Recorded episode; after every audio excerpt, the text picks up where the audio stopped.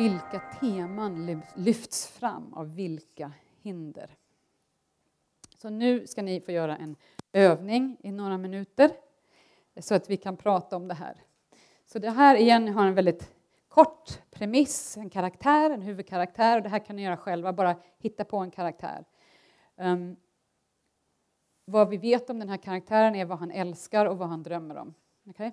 Så vi har en, en förrörelse här, vi har en, en längtan mot någonting. Okay? Rashid älskar att påta i trädgården. Han drömmer om att en dag odla fram en ädelros som kommer bära hans namn. Så det är vår protagonist, han vill någonting. Han drömmer om någonting, han längtar om någonting. Nu i tre minuter vill jag att ni bara utan att tänka för mycket bara försöker skriva ner vad skulle vara, kunna vara minst fem möjliga antagonister till en sån här karaktär.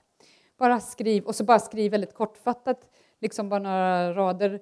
Vem är de och hur, eh, vad händer liksom när de två sätts ihop? Vilket problem uppstår? Så ni behöver inte skriva mer, utan bara en möjlig antagonist och så vilket problem uppstår mellan dem. Och så nästa och så nästa. Bara väldigt kort och enkelt. Okay? Det kan vara vad som helst. Okej, okay? så ta några minuter att uh, komma fram. Minst fem, gärna fler. Det kan man hålla på med länge, men jag vill bara visa det som en, en enkel och väldigt uh, effektiv metod. Så att, uh, vill jättegärna bara höra en, några av era möjliga antagonister. Så vad vi gör är att försöka sätta ihop Rashid med olika slags motstånd och se vad händer då? Vad händer i min historia och vad tycker jag om och vad känns intressant att bygga vidare på? Så att, eh, någon av er gärna? Ja, där bak. Ja. Okej, okay, jättebra. Massa djur. Okej, okay, så om vi tar en älg som eh, protagonist, jättebra. Eh, bara säg två, några ord om vad du tänkte att älgen kunde ställa till med. Precis. Så här har vi då, hinder kan komma eh, från det yttre, det kan komma från det inre. Det kan vara saker som vi skapar själva för oss. Säkert många av er känner igen det i era liv, att vi är våra värsta egna fiender.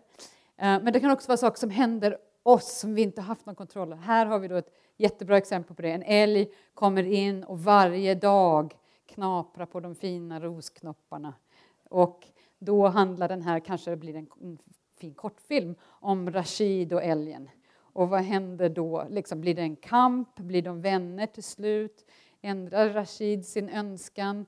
Eller tar han till mer och mer större medel med att försöka uh, få bort älgen? Så det är jättebra. Då ser vi rätt snabbt kan man se vart den uh, historien leder till och också vad den handlar om, kanske på olika sätt. Så, ja, ja.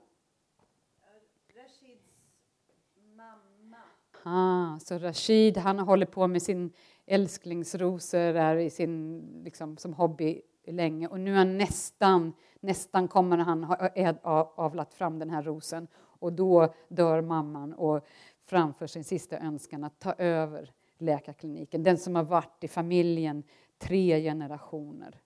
Och han vet, eller hur? Och han vet att det här kan han inte, han kan inte göra båda två, så vad gör han då? Och då har vi mycket som kan hända, eller hur? Många olika valreaktioner. Så igen, bara superenkelt hur mycket handling och hur mycket känsla byggs upp, bara brrr, raddas upp av att sätta ihop två olika personer. Ja? Ah, så här kommer en ärkefiende, ett stort globalt företag som vill ta all glory själv för den här fantastiska kunskapen och passionen som han har lagt under så många år. Och såklart vilken frestelse att få jättefint så här, eh, växthus och alla resurser han behöver till att göra de sista eh, sakerna som behövs. Men han kommer inte få det som han drömmer om, sitt namn. Så igen är man massa olika saker som kan hända på den vägen. Och igen blir det väldigt, det blir liksom centralproblemet eller laddningen mellan mot och för blir väldigt tydlig igen. Sen kan man tycka att det blir för tydligt och banalt och tråkigt men då kan man börja röra i det och se vad kan hända along the way. Vi tar några till. Ja, du, längst bak. Vad lägger jag min tid på? Kanske är en, en slags drivande fråga. Och vad gör vi med vårt liv egentligen? Är kanske den eh, frågan där. Att där har vi visst Rashid, åh, han brinner för det här, han brinner för sin ros och all tid, all tid som man inte lägger ner på arbetet går till det här och försumma sin familj, försumma sitt barn, till och med kanske det nyfödda barnet. Och igen, då får vi ju samma premiss men en annan tematisk riktning, fråga. Det behövs andra slags situationer och scener för att berätta den, om det temat. Att, att vad betyder, eh, vad väljer vi att göra med vår tid här på jorden till exempel? Och vad betyder det? Att, ja, eh, en till. och, och, tänker du att han, mamma lever eller dö, är död? Hon lever, så det blir ännu värre då. Så att här då här har det här fantastiska projektet som han älskar. Och han, alla vet om det, alla vet om hur duktiga han är, för det kan man ju se på hans trädgård. Åh, de prunkar rosorna. Men ingen vet, han har aldrig berättat att hans lilla önskedröm är att hans namn är det som ska få stå på den här rosen i alla eh, eh katalogerna, eller frökatalogerna eller vad det nu finns. Men, och då alla tar det, självklart ska han uppkalla det efter sin mamma. Och då igen, det kanske är lite mer komedi. eh, lite igen, vad blir det? blir en annan slags tematisk fråga. Eh, vad kan den frågan handla om? Det kan handla om eh, hur mycket vågar jag stå upp för mig själv? Ehm, har jag alltid gett efter och vill göra, göra andra lyckliga och, och liksom säljer min egen lycka? Så där kan man ju säga igen, det blir, liksom, det blir rätt snabbt stora frågor. Så kan jag känna då, vilken av alla de här möjligheterna känns intressant för mig. Um, ja, vi kan ta en till. Har vi ta. uh, ja.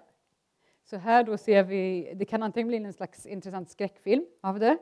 Eh, om rosen själv blir protagonisten och blir någonting som ska vara så vackert men som skapar så mycket eh, sorg och smärta.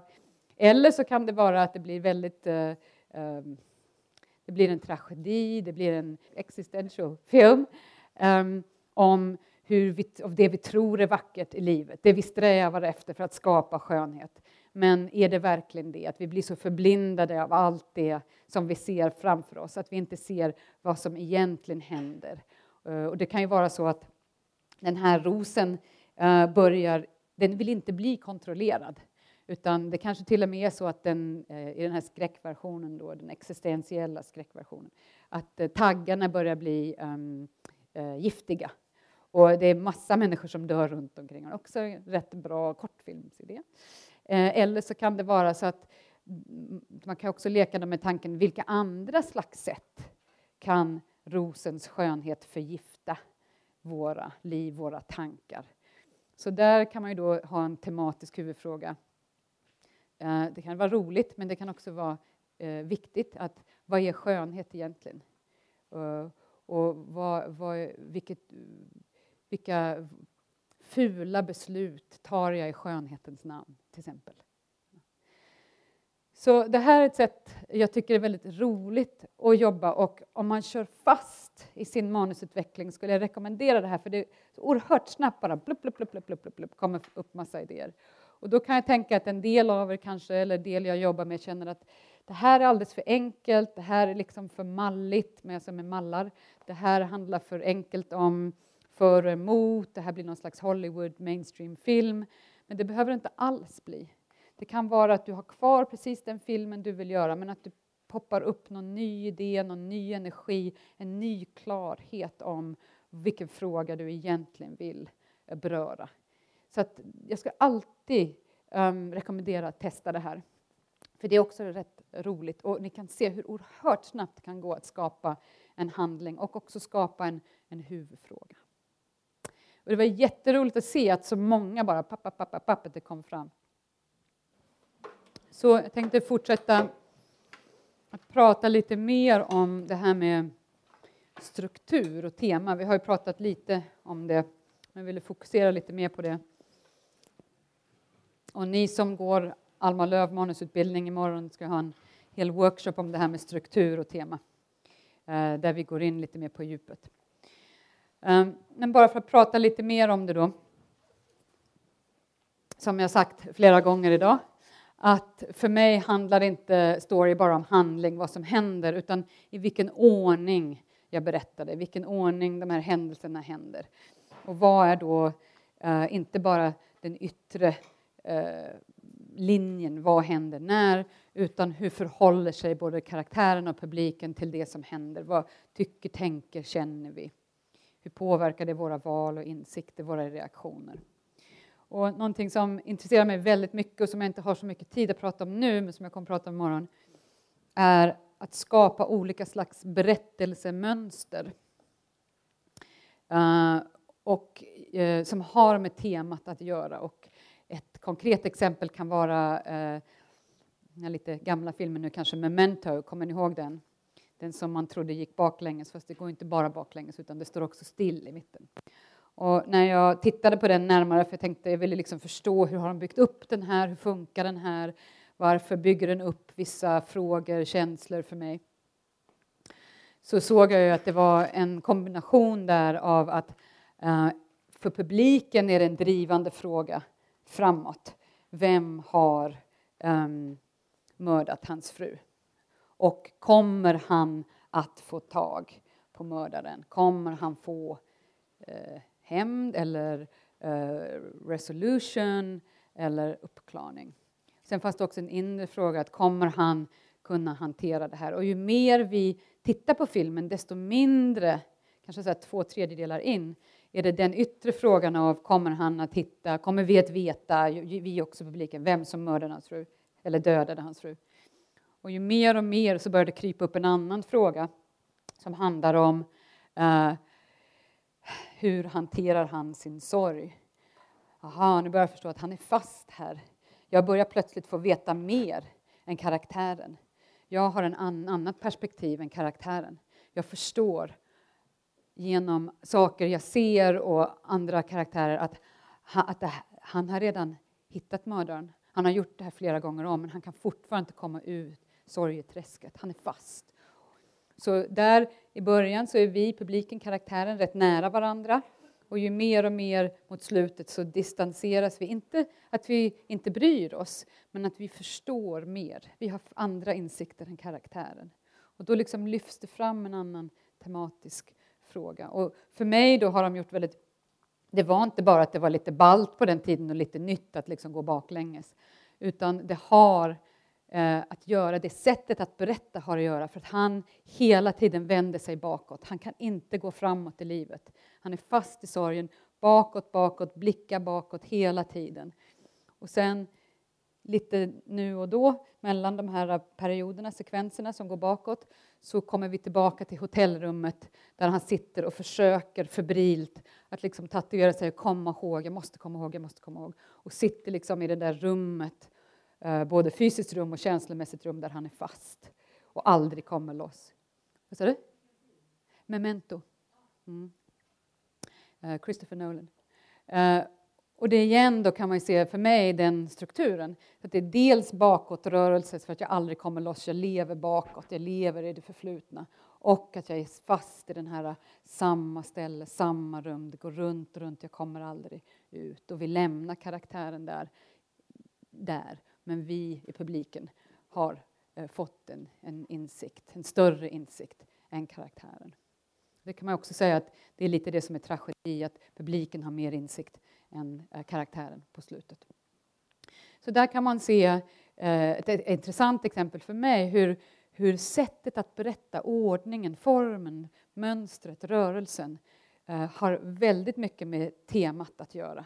Hur, hur jag berättar för publiken det är inte bara vad jag berättar, utan hur jag berättar påverkar vad jag vet, när jag vet det, vad jag tycker och hur jag känner inför det.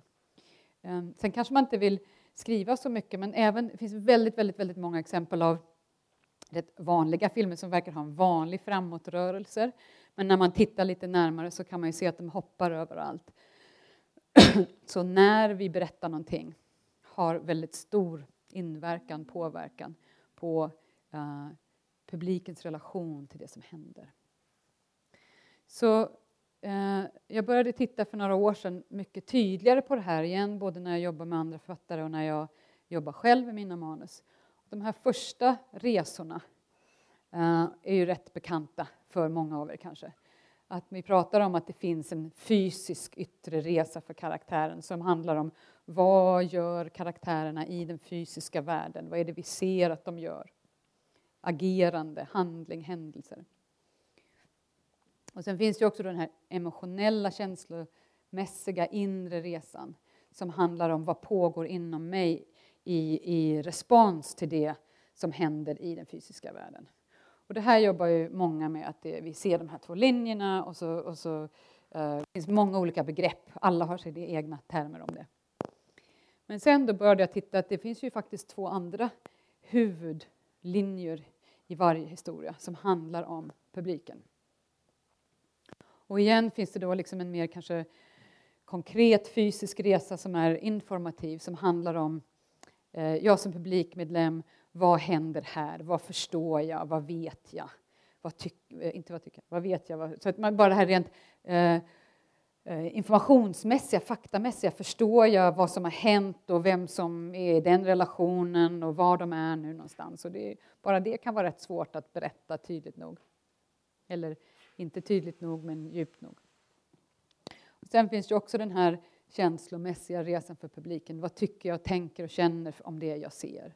Och det är just där, där är den jätteintressanta biten för mig. Och där jobbar jag väldigt mycket med pusselbitar. Sådana här väldigt enkla eh, redskap med att jag tar A4-papper, ark eller små indexcards eller något sånt där och bara snabbt liksom skriver scensyften eller aktfrågor eller sekvensteman och så kan jag lätt liksom börja pussla med det för att se, jag brukar bara lägga ut dem på ett bord eller en flygel om jag har det. Eh, och sen börja liksom bara röra om. För det är så lätt att bli fast. Det är så lätt att bli fast i det första jag har valt. Det kanske är det bästa, men man kan i alla fall testa. Man kan röra om och bygga liksom, här när vi lägger den pusselbiten här, vad händer då? Nej, det blev fel, men om jag lägger den pusselbiten där och den, kom, den scenen kommer innan där. Aha, då blev det en helt annan grej för publiken och vi kom till insikt men då måste vi ha den där. Så det är lite som en slags klippprocess i manuset. Så att jag hela tiden tittar på vad är det bästa eh, sättet att berätta. Och det här kan man göra både med filmer som har, eller tv-serier, dramaserier som har en intressant icke-linjär struktur men också så kallade vanliga berättelser. Att man ser um, övergångarna mellan scener, att man ser ordningen på scenerna uh, och hela tänker på liksom, publikens respons till händelseförloppet. Det är inte alltid någonting som jag känner att det ges mycket tid till eller som ens folk har mycket förståelse för, liksom hur, hur verkligen relevant och intressant det kan vara.